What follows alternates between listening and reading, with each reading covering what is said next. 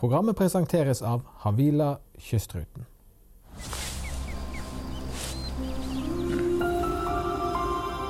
Den 130 år gamle kystruten vår får nå et nytt rederi med fire helt nye skip. I rute mellom Bergen og Kirkenes.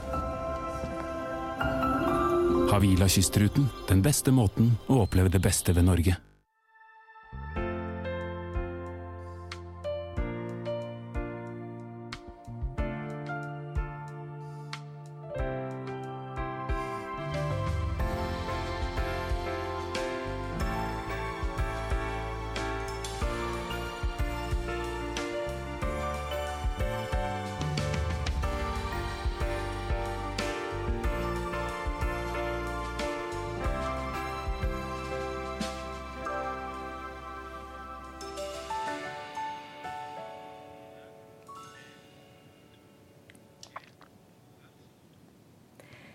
Ikke lenger bare Kirken som har uttalerett av hva som er rett form for åndelighet.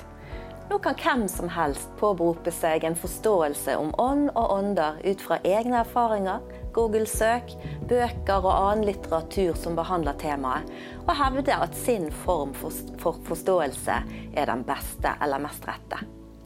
Kirkerommet har fått enda større takhøyde for ulike tilnærminger til det åndelige. Og det som før var knyttet kun til én religion, er blitt hjelpemiddel i en annen. I kveld skal vi se litt nærmere på nyansene og fargene i det åndelige landskapet. Og med meg til dette har jeg fått tre flotte medmennesker som alle har erfaringer, kunnskap og refleksjoner om hva som kan sies å være i kategorien åndelighet. Velkommen til samtalen.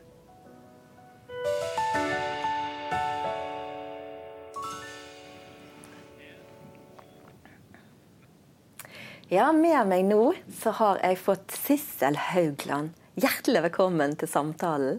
Tusen takk, Tone. Ja, Du er jo håndplukket, for jeg vet litt om deg fra før av. Det er ikke så mange som kjenner deg kanskje sånn som du ser ut, men kanskje på stemmen. Fortell litt nå hvem du er. Ja, jeg har vært i Petro radio, kristen radio, i mange år. Siden de begynte. Og så har jeg vært med i radio lenge før der igjen òg. Det var Radio Gnisten, og så var det radioer før der igjen òg. Men jeg er mer nervøs når jeg er på fjernsyn enn på radioen. ja, det er, det er sånn som det gjerne blir. Ja. Men uh, Sissel, du har uh, litt erfaring med det åndelige. Og jeg lurer på, hva tid, Husker du tid du for første gang i livet ditt begynte å forstå at det er noe mer mellom himmel og jorden? De fleste andre steder, for å si det sånn. Ja, det var vel kanskje Det begynte vel kanskje når vi flyttet inn i en, et hus, en leilighet, etter at jeg ble, var nygift. Ja. Og der skjedde det veldig uforklarlige ting. Ja, ja det var, Jeg ble rett og slett slått i gulvet av en usynlig kraft, og, og, ting flyttet på seg, ting forsvant. Det var en sånn vemmelig atmosfære som ikke kunne forklares. Til slutt så ble jeg så livende redd at jeg tørde ikke å gå inn der midt på lyse dagen engang. For den gangen skjønte jeg ikke at hadde jeg hatt Jesus på den måten, så nå så hadde vi jo hatt seier over disse kreftene. Så ja. vi måtte flytte og finne oss et annet sted. Ja. ja for Har du ikke vært kristen hele livet? Eller du, har du vokst opp med den kristne troen, du? Altså, Jeg har jo på en måte det. Vi ba for maten og aftenbønnen og gikk mm. i kirken på julaften av og til og sånne mm. ting. Og jeg ba mm. alltid til Gud og. Jesus. Mm. Men, men, jeg hadde ikke kanskje et bevisst forhold til han. Nei, akkurat. Nei. Nei. Ja, Så det fikk du da gjerne i voksen alder? da, kanskje? Ja, ja. det fikk jeg. Ja, Etter at jeg holdt på å miste en av barna mine i alvorlig, to alvorlige hjernehinnebetennelser. Oi, kjære. Mm. Ja. ja. det forstår jeg. Da søker vi til en høyere makt enn en oss sjøl og legene. Ja. Um, den bevisstheten din rundt det åndelige, eh, kan du eh, si litt, sette oss litt inn i det? Ja, altså For min egen del så jeg begynte faktisk i så en avisannonse om transcendental meditasjon. Og ante ikke hva dette var. Veldig spennende. Og, og kom på et møte, eller på en sånn seanse, er det vel mer det heter. Ja. Og der viste det seg at det var sånn eh, vi, Det var et alter, og vi ble innviet. Så jeg ante ikke at det var det hinduistiske krefter som sto bak. Og mm. vi fikk et mantra. Og dette her, Men jeg heldigvis jeg kom aldri skikkelig inn i dette mantraet og brukte det lite, for jeg, jeg gadd vel ikke å sitte med det. Ja. Ja, Så det var vel en begynnelse der. Ja. Men så ble det jo mer og mer etter hvert. Ja, akkurat. Ja. Men eh, hva eh, Altså, du, ja, det, var, det var hinduistisk, men du visste ikke det på forhånd. Når begynte du å forstå at eh, det er ulike åndeligheter? Nei, Jeg begynte vel egentlig å forstå det når eh, For, for det, jeg begynte på Vi fikk en leieboer som hadde en god del var opptatt av disse tingene her, og dro meg med på eh, auralesning, lesning i hånd og hel, sånn okkult healing. Oh, ja. Og forskjellige ting. Og jeg merket at det, jeg ble faktisk helbredet bak i nakken noen voldsomme plager jeg hadde. Og det, men det var ikke med Jesus sin kraft, og det ante ikke jeg den gangen. Så det, jeg var med på en god del ting der. Og like til jeg, jeg begynte jo faktisk å studere eh, naturmedisin sjøl. Og det er ikke nødvendigvis alt galt i seg sjøl, men den greien jeg begynte på, der viste det seg at det var veldig mye okkultkrefter, rett og slett. Og, og når jeg begynte å, Der som vi studerte i Gøteborg, der var det mye rare manifestasjoner. Mye rart. altså Vi kunne F.eks. en som drev med mye okkultisme. Vi satt alle sammen og så når vi tok blodprøver av hverandre, for jeg har en grunnutdannelse i skolemedisin, og, og det skrev seg navn, altså bokstaver inni blodprøven til den personen som var så full av, drev så mye med okkultisme og, og måtte riste av seg den okkulte kraften hele tiden. Da begynte jeg å skjønne Oi, hva er dette for noe? Det må jo være noe Det var rare krefter. Han kunne fortelle hva alle rundt et bord, alle leger og alt, hva vi feilte og hva vi eh, drev med og alt mulig. Så det var jo spådomskrefter. Så jeg ble redd. Jeg tørde ikke ha kontakt med den personen, rett og slett, selv om jeg ikke skjønte hva det gikk i. Men da, når du eh, oppdaget dette, eh, var ordet okkult brukt da? Eller? For det står jo ikke på noen sånn liten skrift kanskje på, eh, bak i boken eller noe at dette er okkultisme? Nei. Eller hvordan eh, kom du fram til de definisjonene? det, jeg forsto jo egentlig ikke i det hele tatt det. Like til at jeg skulle begynne å skrive med sånn automatskrift. Sånn så du, og da visste ikke jeg at det var åndskrefter som skrev gjennom oss. Men jeg kom ikke i gang med det, for det var en ikke-kristen mann som advarte meg og fikk stoppet meg på dette her.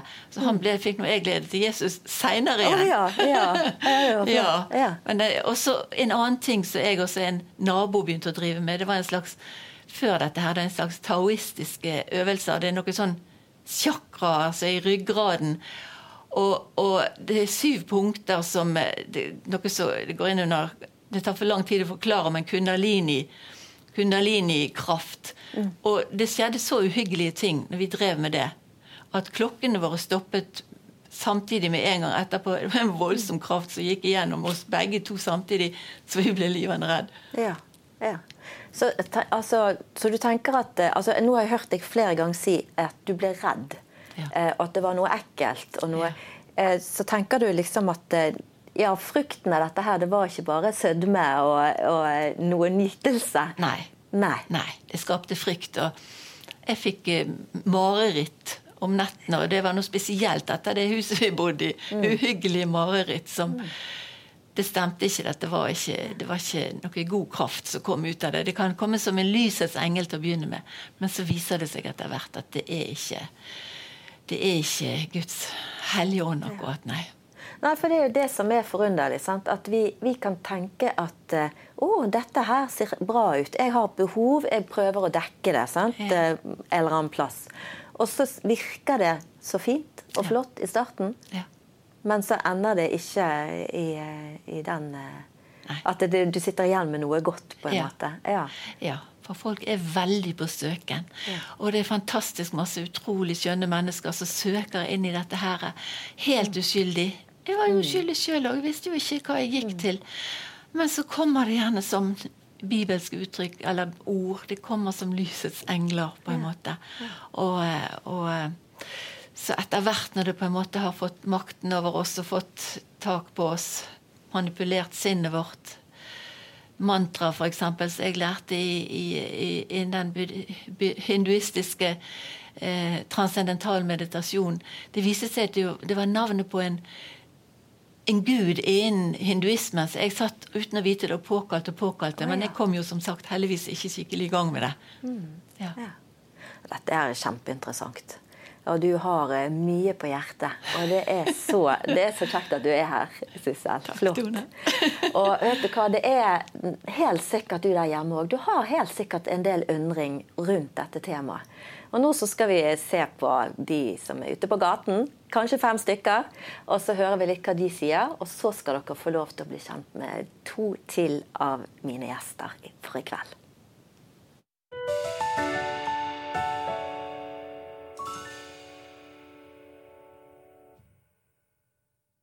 Ja, det er, eh, skal vi si, bredda i Guds ord. At vi tar med alle sider, og at vi eh, innordner oss inn under det som Gud sier. Eh, og da blir det sunt, for da får vi den næringa vi trenger, og sikringskosten som vi trenger. Vi må ha alt sammen med oss. Ja, En sunn åndelighet må i alle fall bygge på ordet. Det er, liksom, det, er det viktige. Eh, og jeg tenker at eh, åndelighet er jo eh, det livet som vi hver og en lever med Gud, at det får et uttrykk i hverdagen. Og at, at ordet gjennom oss får føtter å gå på, sånn at ordet blir manifestert, sånn som Jakob snakker om. altså En, en tro uten gjerninger er en død tro. Så det å leve ordet ut tenker jeg er en sann åndelighet når det bygger på ordet og Den hellige ånd igjennom oss. Igjen så tror jeg det handler om at det, det er et mangfold i det. Da. For noen så er det eh, uttrykk, uttrykker seg på én måte, og for noen andre på en annen måte. Men det er forankra i Guds ord, og det, det, vil aldri være noe som går på sida av det. Eh, da vil det kanskje gå fra å være noe som heter åndelighet, til, til på en måte eh, menneskelig kraft og følelser. Så det er, det er mangfoldig, men forankra i sannheten.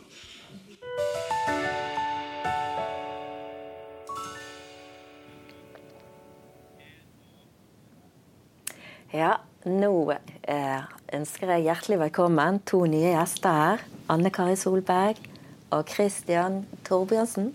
Velkommen. Og som den eh, oppdratte gutten du er, så lar vi damen først presentere seg skikkelig her. Absolutt. Ja, det er fint. Hvem er du? Ja, jeg heter Anne Kari Solberg. Jeg er 30 år og kommer fra Notodden i Telemark. Og har bodd nå i Bergen to og et halvt år, hvor jeg jobber på bibelskolen Impact og som medieansvarlig i Kredokirken Ja. Så, mm. så, jeg har da en bakgrunn i New Age. Eh, jeg vokste ikke opp i kristen familie eller med noe kristen tro, men jeg begynte å tulle inn i New Age eh, eh, for mange år siden, før jeg fikk høre evangeliet. Så jeg har vært kristen i ni år nå. Mm. Ja. Og derfor du er en av våre gjester her òg. Ja. Så vi får gleder oss til å høre litt mer om din fortelling. Mm. Ja. Og Kristian, vi må få bli kjent med deg òg. Ja. Kristian Torbjørnsen. Eh, jeg er da gift med Anja, har to barn. Jeg er rektor på Bibelskolen Substans. Pastor i Salt Nordland. Og eh, generelt hyggelig type. Ja, det kan vi underskrive. Det vet vi som kjenner deg litt. Ja. Eh, og da lurer jeg litt sånn på, sånn som jeg har hørt med Sissel, veien deres inn mot bevisstheten av åndelighet. Hvem vil begynne? ja, jeg kan godt begynne. Ja. ja. jeg eh, hadde alltid en lengsel etter noe mer. Som jeg sa, så har jeg eh, ikke vokst opp eh, kristen. Eh, tenkte at det, var, det så kjedelig ut.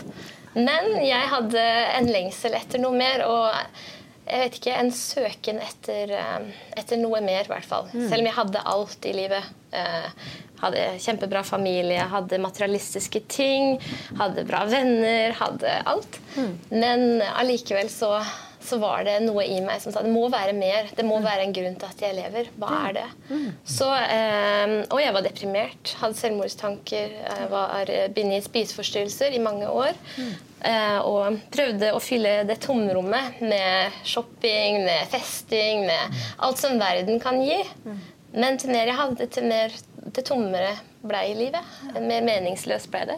Så da begynte jeg å søke, mm, søke i det åndelige, eh, New Age. Jeg ble introdusert for en bok som da var ganske populær eh, i Norge. Um, en New Age-bok. Uh, og den introduserte forskjellige åndelige praksiser, sånn som loven av attraksjon, manifestasjon, at du skal få det du det du manifesterer, da, det du tenker på, takknemlighet altså Det var mange ting som, mange prinsipper som jeg lærte, som fungerte. Ja. Og jeg fikk fred og fikk eh, åndelige opplevelser. da. Ja. Men til mer jeg begynte å surre inn i New Age, til en, flere åndelige opplevelser ble det. Eh, på, altså, det ga meg fred og ga meg glede, alt det der, men det kom en bakside. Jeg hadde eh, besøk om nettene av ånder, eh, demoner. Men jeg visste ikke helt om jeg trodde at det var demoner. Men jeg så i hvert fall Kroppen min var sovende, og eh, jeg våkna. Man, eh, det heter søvnparalyse, da. Hvor man eh, eh, ikke klarer å bevege seg eller snakke, men man kan se alt og høre alt og føle alt. Og da så jeg demoner som dro meg ut av kroppen min. Eh, og herja med meg. Jeg visste de her, de, de vil virkelig eh, meg vondt. Eh, og jeg så kroppen min ligge i senga og sove. Og jeg, altså ånden min, eller sjela mi, var ute. Eh, og jeg så min egen ånd, til og med, som var like mørk som demonene. Altså, de var helt svart. Så når Bibelen sier det at man går fra mørket til lyset Jeg var åndelig død. Og jeg skjønte at de her kreftene har jeg ingenting å stille opp mot. Så ja. Så til slutt så søkte jeg en kristen, da. For det her pågikk i fem år, tror jeg. Før em, før jeg gikk til en kristen. Spurte hva hun tenkte. Og da sa hun det er demoner. Og kan du snakke med noen i kirken min? Så, så fortalte de meg evangeliet, da. Og sa Jesus kunne sette meg fri. Ja. Og de var veldig klare på at de, de bøkene jeg leste, det jeg holdt på med, var okkult. Som var nytt for meg. Fordi jeg trodde kristne også leste disse bøkene. Så, men da tok jeg et valg. Jeg ble satt på valg om jeg ville mm, gi fra meg livet til Jesus og brenne bøkene osv. Eller om jeg ville fortsette min egen vei. Men det, da tok jeg valget og ga livet mitt til Jesus. Ble satt fri fra spiseforstyrrelser, eh, depresjon, selvmordstanker den eh, dagen. Ja. Eh, ikke slitt i medisinen. Ni år siden. Ja. Og nå, eh, ja eh, Gud har satt meg fri fra de her søvnparalysene og alt sammen, eller demoniske angrep. da. Så brente alt av New Age-bøker og alt vendte meg helt fra det. Ja. Men eh, først etter jeg ble, eh, ble kristen, at jeg skjønte hvor blinda jeg var. da. Og at det jeg holdt på med, var, eh, var faktisk ondt. Og det var ikke, For det føles godt, og det høres godt ut, men det var okkult. Det var demonisk. Det er jo det som er det vanskelige og skumle med det, Ja. egentlig. Ja. Kristian, du må jo tenke mye nå når du hører dette. Ja, jeg har hørt det, jeg har hørt det før eh, fra andre fortellinger. Jeg var i, Ja. i Trondheim for et par år siden og hørte en, en mann forteller om, om noe av det samme. Sant? Han, han var jo ikke en kristen, han heller. Holdt på med, med alternativt. I, I hans tilfelle var det noen krystaller og import og salg og webshop og full pakke. Helt til han, han på et punkt en natt ble så vetterskremt av de kreftene som han trodde var av det gode, eh, men skjønte at var av det onde. eh, Og rett og slett ble skremt til Jesus i det tilfellet der.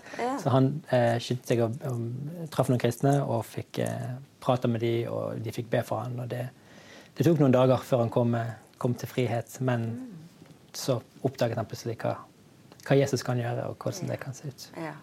Jeg har nok ikke vært i verken eh, i det okkulte med, med verken Ouija-board eller andre praksiser. Jeg eh, har vokst opp i et hjem hvor, jeg har gått på søndagsskole og lært Fader vår og, og hatt de med meg, eh, tingene. Og så var det først når jeg ble tenåring, var på leir, sånne type ting. Det var jo kjempekjekt. Eh, når jeg var en 16 år, så begynte jeg å komme i kontakt med noen litt, litt eldre ungdommer som tok meg med på forskjellig. Endte på et team i Bergen, som Tabernakelet hadde i Bergen i sin tid. Eh, og ble ved, ved det da kjent med en del eh, kristne. Og fikk oppdage at den kristne troen og kristne livet virkelig hadde liv i seg. Det var ikke bare teorier, det er mer enn et fader vår. Det fins et liv, det fins en, en Gud som er, nær og interessert i, i hele livet og i hele, alle områder av våre liv. Eh, og det snudde opp ned på, på mitt liv, og hvor jeg bestemte for at den Jesus vil jeg følge. Eh, og legge ned det som jeg har, for å se at hans vilje skjer i mitt liv. Da. Så jeg har fått gå en spennende reise etter det. Ja, ja. Og i kraft at vi har to som er, jobber på bibelskole, så må jo Sissel og jeg stille et spørsmål til dere. For det står jo det i Bibelen at Gud er ånd, og ikke et menneske. Kan dere hjelpe oss litt med det her? Ja, og det er jo det som er en av de tingene som er litt vanskelig, fordi vi snakker jo om ting som ikke er synlig. Som ikke er én pluss én, som ikke kan settes opp i en ligning. som sånn derfor. Mm. Vi må referere til tekster, vi må referere til, til bildebruk mm. osv. Men, men Gud som skaper er jo en, en, skapende Gud. Han har skapt alt det vi kan se. I Hebreerne 11 så, så skriver forfatteren at det, i tro forstår vi at det, at det synlige har blitt til ved det usynlige. Eh, så Gud er en skaper. Og, og på, på Bibelskole Substans, hvor jeg er rektor og lærer, så, så begynner jeg der ganske tidlig på høsten med å si at Gud er grunnleggende uforståelig. Mm. Altså, sånn I sin natur og essens så er Gud uforståelig for oss. Mm. Ja, vi kan vite mye om hans navn, hans karakterer, hans hjertelag, hans ønsker og vilje. Det finner vi i Bibelen mye av. Men å forstå hans natur, det vil vi aldri kunne klare. Mm. Fordi vi er begrenset, og han er ikke. Mm. Vi er si, fanget i tid og rom. Vi har uh, høyde, lengde, bredde, og vi må forholde oss til det. Uh, vi har en tid som har en fortid og en notid og en framtid. Mens Gud han opererer utenfor og på siden av de rammene som er våre. Og Det gjør at, eh, at han kan heller ikke skjønnes eh, med vår forstand. For hvis de forsto med vår forstand, ja, da var han jo en menneskeskapt Gud.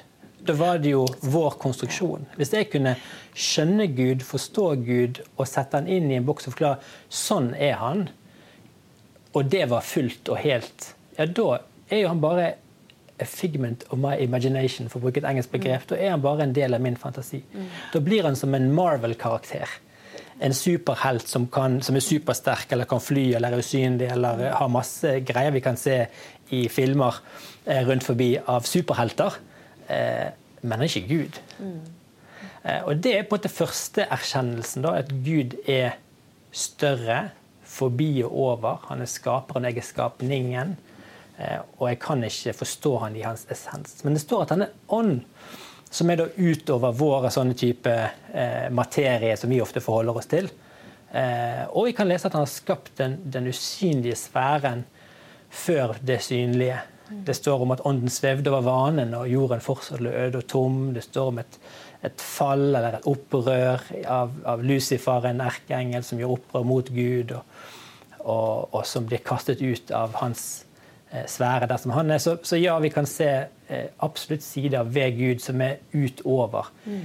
det vi kan forstå. Mm. Og så bruker da Bibelen litt dette med at Gud er Gud over alle guder. Han er Elohim over alle Elohimer. Mm. Og så finnes det guder med liten g, mm. som er eh, det vi ville kalt åndsmakter, åndskrefter. Det kan være demoner, eller det kunne vært kjeruber eller engler eller andre åndsvesener som Bibelen forklarer, men som ikke vi klarer med vårt menneskelige øye å se. Ja. Og Det er det som gjør at noen ganger dette med åndelighet kan være litt vanskelig. Fordi at det er litt ullent. Mm. På ett sett litt klart, men samtidig et element av åpenbaring. Og midt i dette så skal vi forsøke å navigere og si noe tydelig. Ja. Mm. ja og der kommer jo sant, litt definisjonen vår. Hva er da sunn åndelighet? Sant, mm. Når vi har dette bakteppet.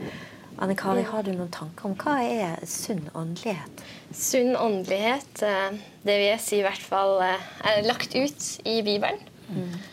Hvordan ser det ut å leve i et sunt åndelig liv? Mm. Det, vel, Bibelen forklarer Den viser oss det Gud har valgt å vise om seg selv. Mm. Og vi ser Guds ånd, som er evig, som er utenfor tid, rom, materie, som du forklarer, og som har skapt alt, og som vi ikke er i fullt vi kan ikke forstå han fullt ut.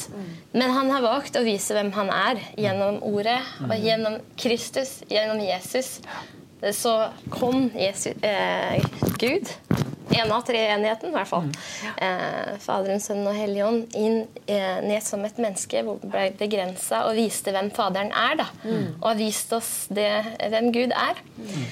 Og ja, sunn åndelighet, det ser vi eh, i Bibelen. Um, ja, eh, Summen av Guds ord. At det ikke handler om at vi tar ett vers, så bygger vi livet vårt rundt ett vers, og det er det. Men faktisk summen av Guds ord er sannhet. Mm. Og Jesus sier jo det sjøl også. Dere skal være mine disipler. Om dere blir i mitt ord, mm. og mitt ord blir i dere, mm. så skal dere kjenne sannheten, og sannheten skal sette dere fri. Så han sier om seg sjøl at han er veien, sannheten og livet. Så sunn åndelighet er å følge Jesus.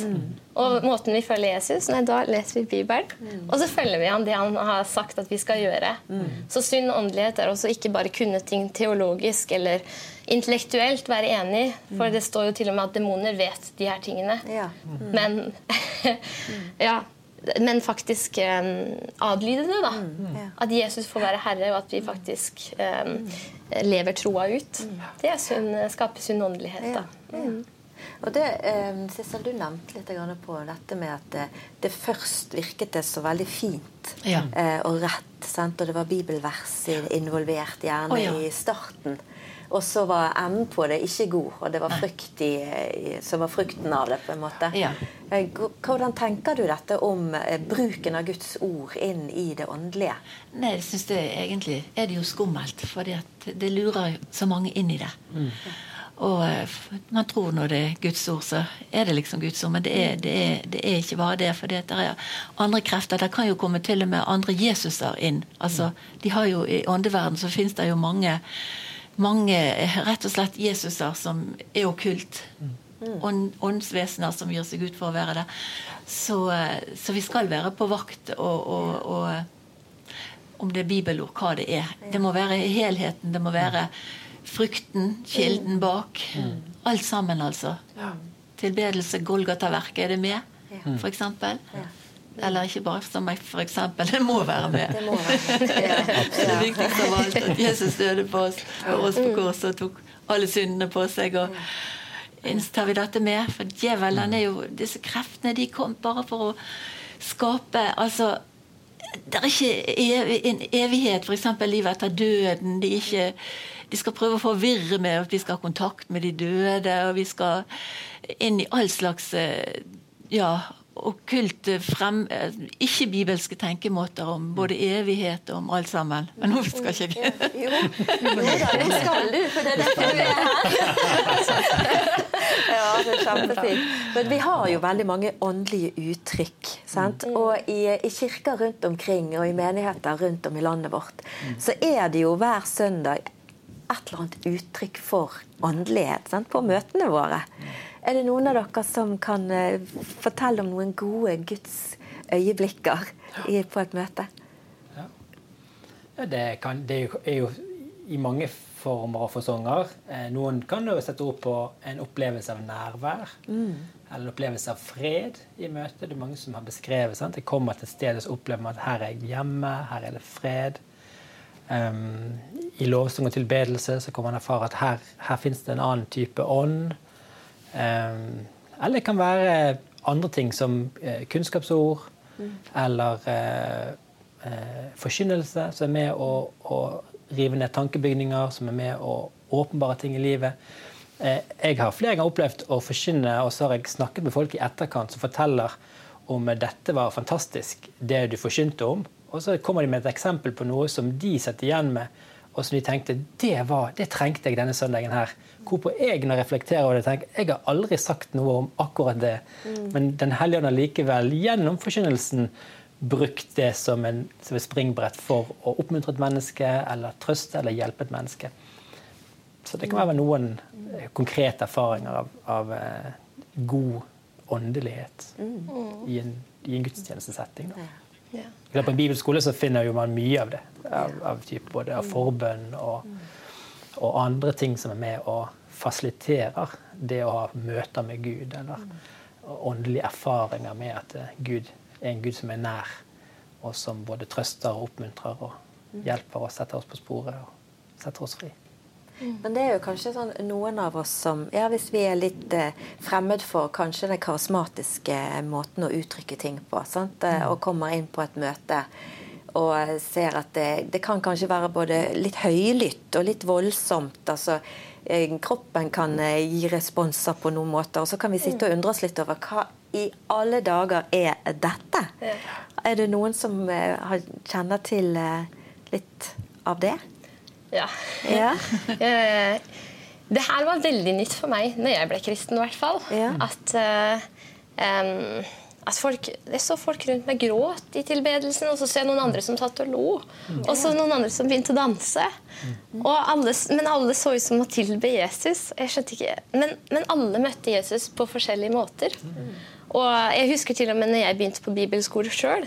Eh, jeg gikk på bibelskole, og eh, alle rundt meg i gruppa mi da, Vi hadde tilbedelse og bønn, og plutselig begynner folk rundt meg å le og bli fylt av Hellige Ånd. og Noen andre sitter i et hjørne og gråter, og så bare blir møtt av Gud der. Og noen andre sitter helt sånn var det fredfull.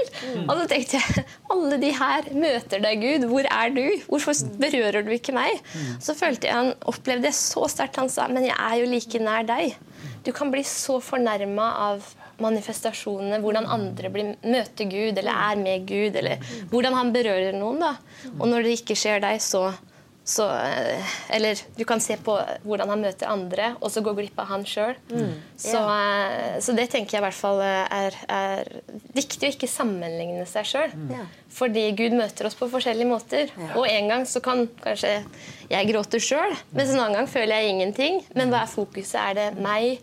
Eh, og at jeg skal føle noe, f.eks. når vi er i tilbedelse. da. Mm. Eller skal jeg bli opphengt i hvordan andre tilber? Eller Da mister vi fokus altså, på, på, Jesus. Ja. Så jeg tror det er mange som kan, kan, gå glipp av mye med Gud fordi man blir fornærma av eh, hvordan det kan se ut. Mm. Men hvis du leser journaler fra vekkelse, vekkelser som har skjedd, eh, så så ser du at det er et kaos noen ganger. Mm. Du ser jo at uh, Guds ånd han er ikke bare mild og stille. og Han kommer sånn også, mm. men han kan også komme i kraft. altså. Mm. Og med glede. Mm. Og med omvendelse. Altså, han kommer på så mange forskjellige måter. Jeg tror det er viktig å ikke Eller i hvert fall eh, tenke over ja, om man lett blir fornærma av det. da. Mm. Ja. Og så robbe seg sjøl fra å faktisk eh, ha blikket på han. Mm, ja, ja.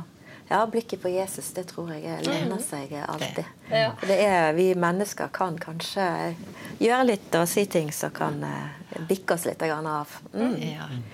Nå vi skal vi få en uh, rask liten reklame før vi fortsetter praten, så bare vær med.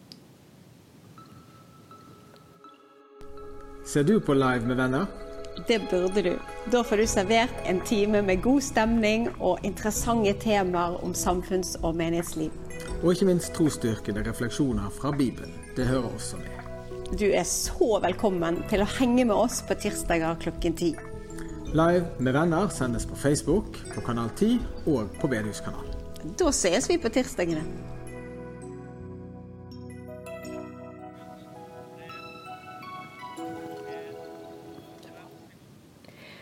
Du har kanskje vært på treningsstudio og eh, fått tilbud om å være med på yogatimer.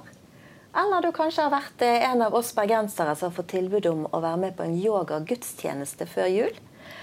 Det Yoga det er noe som er ganske mye av i Norge for tiden. Noen har veldig mange meninger om dette, og andre mener at det er, det er uttøyninger. Det er ikke stort mer enn det. Og jeg har tenkt å utfordre gjestene mine på hva de eh, tenker om ordet yoga og dets innhold. Hvem vil begynne? ja. Kristian, skal vi ta? Jeg syns det der er, er spennende. Det er Alt har jo sin rot et sted. Uh, og det er kanskje noe man ikke går og tenker på til vanlig. fordi eh, det er mye vi er borte i løpet av en, en arbeidsdag eller i løpet av en uke. Eh, men, men eh, jeg har i hvert fall valgt å være litt sånn påpasselig i forhold til hva er det jeg fyller meg med, og hva er det jeg, jeg deltar og blir med på. Eh, og jeg synes det er interessant noen ganger at man, man kan være veldig imot en kristen skolegudstjeneste, eller at det skal være veldig påpasselig, men det ikke skal forkynnes inn i et klasserom, f.eks. Men samtidig så kan man invitere på en workshop på en dag til yoga inn i et rom hvor man skal uttale både mantraer og alt mulig annet. Mm. Eh, som jeg personlig kjenner at jeg eh, stiller meg ganske spørrende til. Da. Er, det, er det av det gode? Mm. Eh, og hva er det man egentlig bedriver eh, når man eh, i hvert fall kaster seg hen i det og tenker at nei, dette er nå bare som en hvilken som helst annen treningsøkt. Mm. Ja. Sissel, har du vært borti yoga? Jeg har aldri drevet med det sjøl, men jeg har vært til stede på mm. i forbindelse med jobb. da, Så mm. måtte jeg være til stede for å se at ikke det gikk galt med, mm. med de som var der da. Og da fikk jeg jo observert eh, hva de drev med, og det var ikke helt uskyldig. altså Det var en sånn åndelig musikk så helt tydelig at det var åndskrefter og åndelige ting i det. ja. Okay. Så, så du har vært en tilskuer til det? Ja, jeg var nødt pga. jobben. Ja, det måtte vært interessant kursleder. Ja. Mm. ja. Da, men jeg kunne jo ikke delta, jeg satt og ba istedenfor. Ja, ja, ja. Jeg har faktisk hørt Det var en som eh, skulle være med på et malekurs. Eh, og så var det noe I starten så skulle de komme inn i den rette kunstneriske stemningen. Sant? Og så var det noen sånne ut øvelser som alle skulle gjøre. Og hun her hun fant ut at ja, men eh, da skal jeg be Den hellige ånd, og så skal jeg bare få den inspirasjonen derifra. Og da til slutt sa kurslederen at det, det, det går ikke an å Vi kan ikke fortsette. Det er en eller annen her som hindrer. Det er noe, dette er ikke bra. Uh, så, og da kvapp jeg litt. For jeg har vært en av de som har tenkt at yoga ja, men vi tøyer og bøyer, og så er det litt musikk. Ja? Hva tenker du, Anne Kari? Jeg tenker eh, at eh, Hvor kommer det fra? Yeah. Det kommer fra hinduismen. Det er mm. Eh, en praksis som hinduismen selv sier at du kan ikke ta yoga ut av hinduismen og eh, hinduismen ut av yoga. Eh, så jeg stiller meg veldig kritisk til når kristne tar en okkult praksis, eller hinduistisk praksis, som er mm. ja, ikke hvordan vi er kalt til å tilbe Gud, noen, og så stem, eh, tar med Jesus i det, mm. og da er det plutselig hellig. Mm. Det er, altså, kan man ta et Ouija-board eh, og, eh, og, si at man Det er greit, fordi jeg gjør det med Den hellige ånd. Jeg spør Den hellige ånd. Nei, det er okkult. Mm. Mm. Og selve ordet yoga betyr yoked. Altså at du tilslutter deg noe, at du blir ett med noe. Målet med hinduismen er jo å bli ett med universet eller dramaen. Hvis du ser litt inn i hvor det kommer fra, så ville jeg stilt meg veldig eh, kritisk til hvor eh, Ja, å ta det del i det, da. Ja. Mm. Og ja. Mm. ja. Men, men, samtidig så kan vi jo lese at Bibelen eh, utfordre på å grunne på Guds ord. Mm. Eh, meditere på det, la det få lov til å synke inn. Mm. Um, vi har vært i, eh, med substanser på retreat hvor vi har en dag med stillhet, mm. hvor vi har liksom kontemplasjon, eller man sitter og sant, leser ordet og søker. Så det fins jo absolutt um, kristne settinger hvor man velger å, å sette seg i en, en posisjon, eller man, man velger å å ta inn av det som Gud har å melde. Eh, hvor man tygger på det ordet og hva det betyr i mitt liv. Um, som da er Så vil man si ja, er det da kristen yoga? Er det kristen meditasjon? Er det Vel, vanskelig å si. Det er i hvert fall som er tydelig, at, det, at eh, Bibelen utfordrer oss på å fylle oss med Guds ord. Mm. Og ta inn av det som Gud har for oss. Mm, mens kanskje mye av den østlige mystikken handler om å uttømme seg sjøl for å da stille seg disponibel for mm. ting og tang. Mm. Så det har vel i hvert fall vært ganske, en ganske sånn helt motsatt eh, oppfordring. Mm. Fyll deg med Guds ord, eller uttøm deg for noe. Ja. ja. Men det blir jo egentlig helt, helt noe annet òg enn eh, mm. når man mediterer på eller bruker Guds ord på den måten. Helt mm. noe annet. For det, da er kilden Bibelen. Mm. Så selvfølgelig man kan gå for langt der og gå inn i Hvis det, man begynner å ta i bruk teknikker der òg. Men, men, vanlig meditasjon da, Så i mitt tilfelle, som jeg fortalte tidligere, så var det jo at jeg påkalte en De påstår det var navnet på en dødsdemon. Men ja. Eh, jeg vet ikke der, men jeg fikk høre det seinere i hvert fall. Men da sitter du jo og påkaller andre kilder enn Bibels, mm. som dere ikke gjør da. Ja. Ja, det er sant. Men der, eh, Bibelen oppfordrer jo oss til å meditere på mm. Guds ord. Ja, ja. Og sitte og grunne på det dag og natt. Og mm. ja, Det er faktisk den bibelske meditasjonen. da. Mm -hmm. Men eh, meditasjon i verdensøyne eller Østen, da, da handler det jo om å som du sier, tømme seg og ikke stille seg kritisk til de, de eh, budskapene man får. Man skal mm. bare ta alt inn. Men det er faktisk, Bibelen sier ikke tøm sinnet ditt, fyll det. Fyll med Guds ord. Mm. Så eh, det er en pervers uh, måte å meditere på, eller en falsk, ja. som djevelen har skapt. da. Ja. Og så er det Guds måte. Så, mm. Stor forskjell. For ja. når, når, sinnet blir Du sa sikkert ordet blir manipulert på en måte. Sant? Når de mm. tømmer det, så er det åpent for åndeverden. Vi, vi, skal ikke tømmes, la noen krefter eller noe få tømme sinnet vårt. For da er ikke vi våken nok i ånden til å til, Da, det, da er, vi, kommer vi lett inn i både transetilstander og i ja, rett og slett manipulering av sinnet vårt. Mm. Ja. Ta enhver tanke til fange under lydigheten av Kristus. Vi skal, vi skal holde oss kun hans tanker så, i forhold til disse tingene her som må få råde i vårt hode. Så er jo Bibelen veldig klar. Når du leser gjennom Det Gamle testamentet og det nye, mm. så ser du jo hvordan Gud gang på gang advarer sitt folk mm. mot å adoptere mm. eh, praksisen, den åndelige praksisen til menneskene rundt, kulturen rundt. Da. Mm. Og hvordan, når de gjorde det, når de tok eh, litt del i hvordan de de praktiserer sin åndelighet. Da, da falt de fra Gud. Så Så der det noe kan virke godt, sånn som yoga, eh, New Age, full forståelse av at folk søker inn i de åndelige tingene. fordi det føles godt der og da. Men det drar deg bort fra Gud. Det gjør hjertet kaldt for det som eh, For han, han da. Så eh, ja. Det, det, er i hvert fall tydelig at Gud er en nidkjær Gud. Og han har kalt oss til å tilbe han og føle han på sin måte.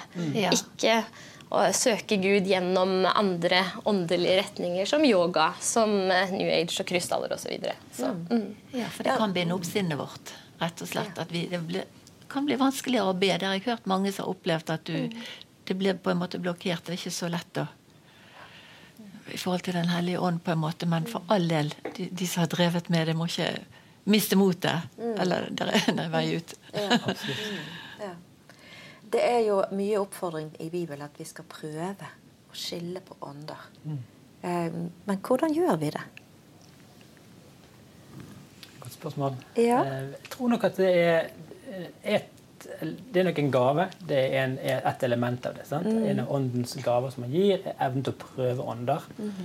Som er et litt underlig begrep. Hva betyr det å prøve ånder? Mm.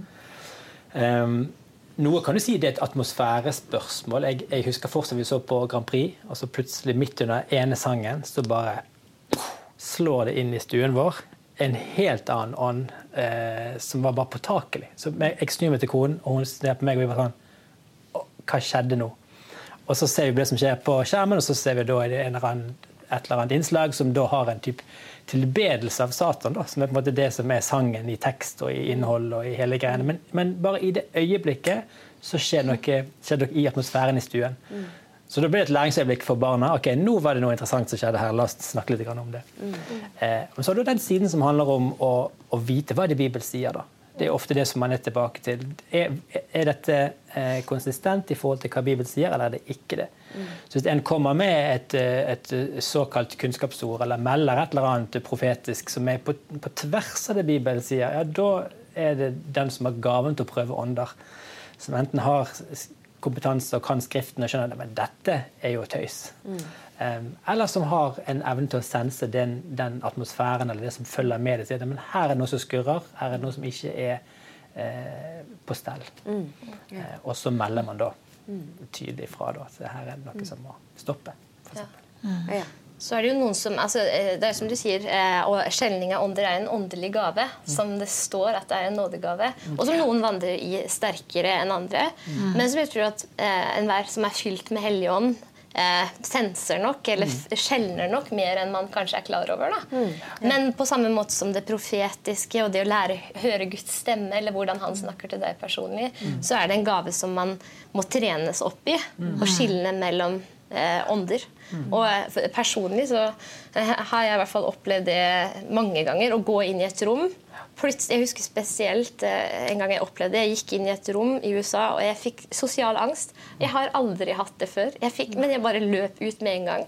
Så gikk venninna mi inn, Så kom hun ut igjen, og hun vet jeg er veldig profetisk og skjelner fort. Og hun sa nei, jeg tar ikke enighet med, eh, med, med sosial angst. Eh, I Jesu navn, jeg er fri. Og så gikk vi inn igjen, for da skjønte jeg det er ikke meg. Det er det som foregår her. Så det ble som et kunnskapsord for noe å be inn i, og noe å være bevisst på at det her er ikke meg. Det her er noe som jeg er over, og jeg trenger ikke ta enighet i. Og en annen måte i hvert fall jeg personlig skjelner noe på, da, eh, har vært hvis jeg snakker med noen og begynner å kjenne meg svimmel, får vondt i hodet og kvalm. Mm. Eh, det har i hvert fall skjedd i mange tilfeller. Eh, og så finner jeg ut at personen driver med New Age mm. eller heksekunst. Mm. Eh, så, så, jeg har lært å gjenkjenne da, at det er et kunnskapsord. Mm. Når jeg begynner å føle det her, så kan det Å, mm. interessant. Mm. Så ber jeg inni meg Gud, velsigne denne personen, velsigne samtalen, og eh, all forvirring forsvinner. Ja, så blir det faktisk en døråpner da, til å snakke med personen. Så jeg tror det, det å um, få være bevisst på det, da, at vi er åndelige vesener mm. alle sammen. Og vi er fylt med Helligånd, de som er født på ny. da. Så eh, at uh, Gud snakker til oss også. Uh, og vil lære oss og trene oss opp i det å skjelne. da. Mm. mm. Ja, ja. Ja, for vi er jo alle sammen som har tatt imot Jesus og blitt frelst. Vi er jo tempel for Den hellige ånd. Mm. Og det er jammen meg noe godt. ja. Og nå straks så skal eh, vi høre andakt. Eh, I kveld så er det Gunstein Nes som eh, har noe på hjertet om dette temaet. Så vi lytter spent.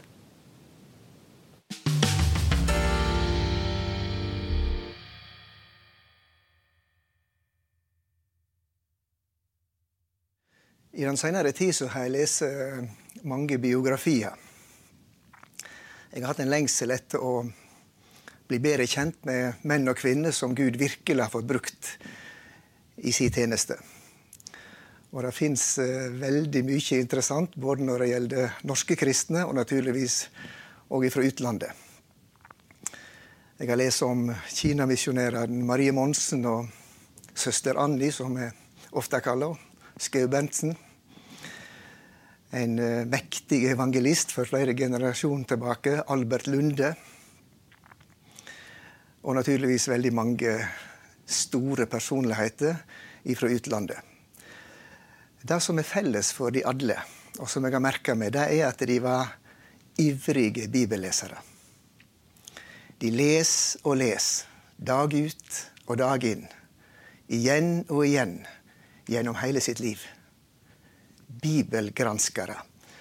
Og med den hensikt at de skulle bli kjent med Bibelens Gud og den planen han har for våre liv.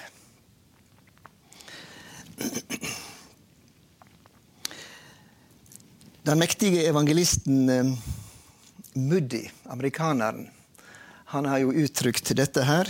Bibelen ble ikke gitt for å øke vår kunnskap men for å forvandle våre liv.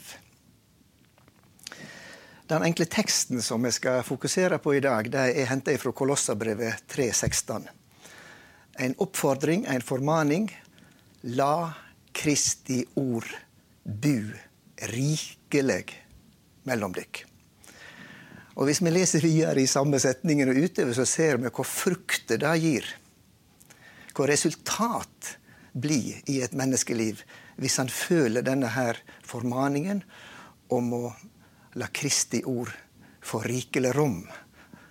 Bu rikelig, så det kan oversettes begge deler. Den mektige briten som er kalt predikantenes fyrste Spurgeon, han har jo sagt denne klassiske setningen 'Støv på din bibel er rust på din sjel'. Muddi, som jeg har nevnt allerede, han har jo sagt flere ting. Jeg siterer litt. Jeg har aldri sett en fruktbærende kristen som ikke på samme tid var en flittig bibelleser. Om et menneske forsømmer sin bibel, kan han nok be Gud bruke ham i sitt arbeid. Men Gud kan ikke det. Fordi det er for lite stoff for Den hellige ånd å virke gjennom. Vi må ha selve ordet, som er skarpere enn noe tveegget sverd. Dette siste er jo henta fra Hebreabrevet 4. Og Det ligger jo veldig nær noe som vi òg leser i Efeserbrevet 6, om at vi skal ta eller gripe andens sverd, som er Guds ord. Tenk deg at Den hellige ånd trenger òg et redskap, et våpen, et sverd, for å utføre sin gjerning i oss. Og det sverdet, det er Guds ord. Det er Bibelen. Moody sier videre mange mennesker synes at Bibelen er ute av mote, og at det er en gammel bok som har sett sine beste dager. Du kan like så si at solen som har skinnet så lenge, nå er så gammel at den er ute av mote. Søster Annie, som jeg nevnte, etter hun ble en kristen, så ble hun en veldig ivrig bibelleser. i en eh, spesiell fase i livet, eller da hun arbeider med en spesiell sak og kjemper med en spesiell sak, eh, så vender hun seg til Jesus i bønn. Og så sier hun, 'Jeg har lest mange bøker, men nå går jeg til Bibelen.' 'Jeg har hørt mange mennesker tale. Nå går jeg til deg.' 'Nå må du tale direkte til meg.' så åpnet jeg Bibelen og leste apostelgjerningene slik og slik. Og da ble hun til stor hjelp i den fasen.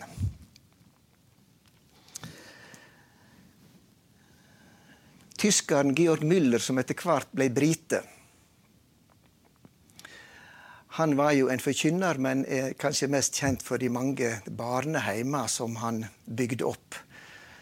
I hans tjeneste der så er det mer enn 10 000 foreldreløse barn som fikk hus, mat, klær, undervisning, oppdragelse.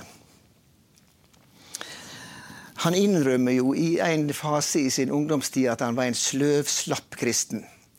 Og han visste hva som var grunnen. Han erkjenner det. I ei gammel norsk bok så sier han at årsaken til hans lange åndelige barndom hadde sin grunn i ubekjentskapet, altså manglende kjennskap til Bibelen. Den ble etter hvert hans kjæreste lesning. Ja, at for hver side han leste av alt annet, leste han minst tolv sider av Bibelen. Til den ikke alene åpnet ham adgang til Herrens forrådskammer men ga ham adgang til kongen selv. Han var ei bønnekjempe som er en av de største verden har sett. Og han ba aldri noe menneske om penger til det veldige prosjekt som han hadde, men han ba inderlig til Gud. Og han fikk alt han trengte gjennom hele livet. Bibelen,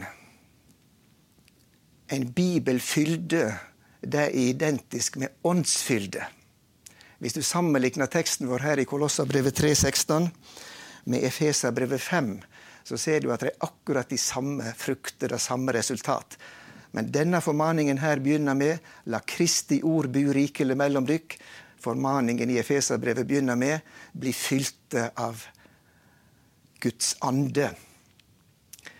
«Ønske med åndsfylde, ønsker med forandring i våre liv, så er nøkkelen til å følge formaningen La Kristi ord bu rikelig mellom dykk. Lykke til.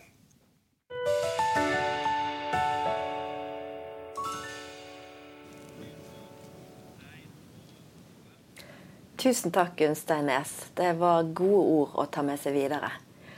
Og så må jeg få takke de flotte gjestene for samtalen. Jeg kunne veldig gjerne tenkt å snakke mer med dere, hver av dere. Og jeg håper du der hjemme òg du holder litt i samtalen og, og snakker litt med, med andre eh, om det som vi har berørt i dag. For det er jo litt poenget her. Sant? At vi har en liten teaser. Og så kan samtalen tas videre i andre sammenhenger. Eh, og summen av Guds ord er sannhet. Eh, og hold fast på det. Og så tror jeg gjerne det, det beste måten å navigere i det åndelige landskapet på, det er å gå inn på lønnkammeret sjøl Og gå alene med Gud, søke Han, bli kjent med Gud gjennom Jesus Kristus med Den hellige ånd. Lese og studere Bibelen, lovsynge og tilbe Han, og gjøre deg godt kjent, godt venn med Gud, før du åpner døren og skal begynne å navigere og finne ut hva som er hva. For da kjenner vi mesteren sjøl. Og så kan vi få lytte til hans stemme. Og sånn som er du, Anne Kari, sa, vi kan bli allergiske mot det som ikke er ifra Gud. Og det er en fin ting å modnes i. Så takk skal dere ha. Og tusen takk til deg der hjemme som har fulgt oss. Neste uke er det André som kommer med samtalen på gudstjeneste. Takk for nå.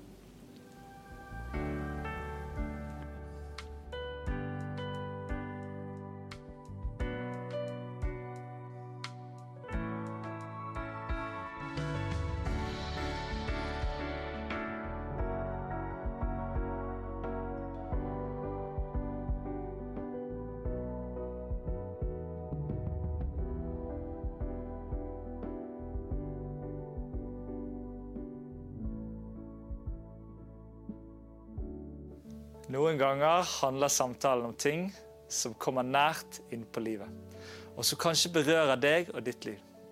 Da kan det være du tenker dette skulle du ha snakket med noen om. Det finnes heldigvis noen som kan hjelpe deg, og her kommer en liste med trygge kristne samtaletjenester rundt om i landet, som gjerne tar imot deg og ditt behov.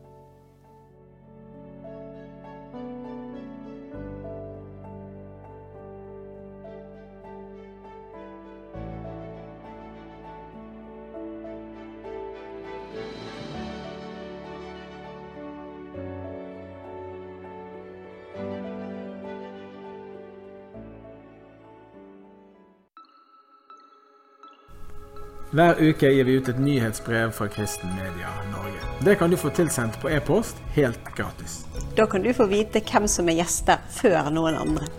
Der får du se videoer, kommentarer, andakter og annet innhold fra oss. Gå inn på nettsiden kristenmedia.no og registrer deg, så får du nyhetsbrev fra oss hver uke.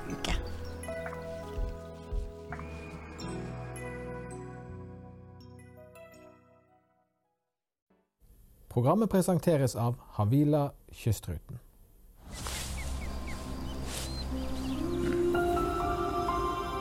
Den 130 år gamle kystruten vår får nå et nytt rederi med fire helt nye skip. I rute mellom Bergen og Kirkenes. Havila Kystruten, den beste måten å oppleve det beste ved Norge.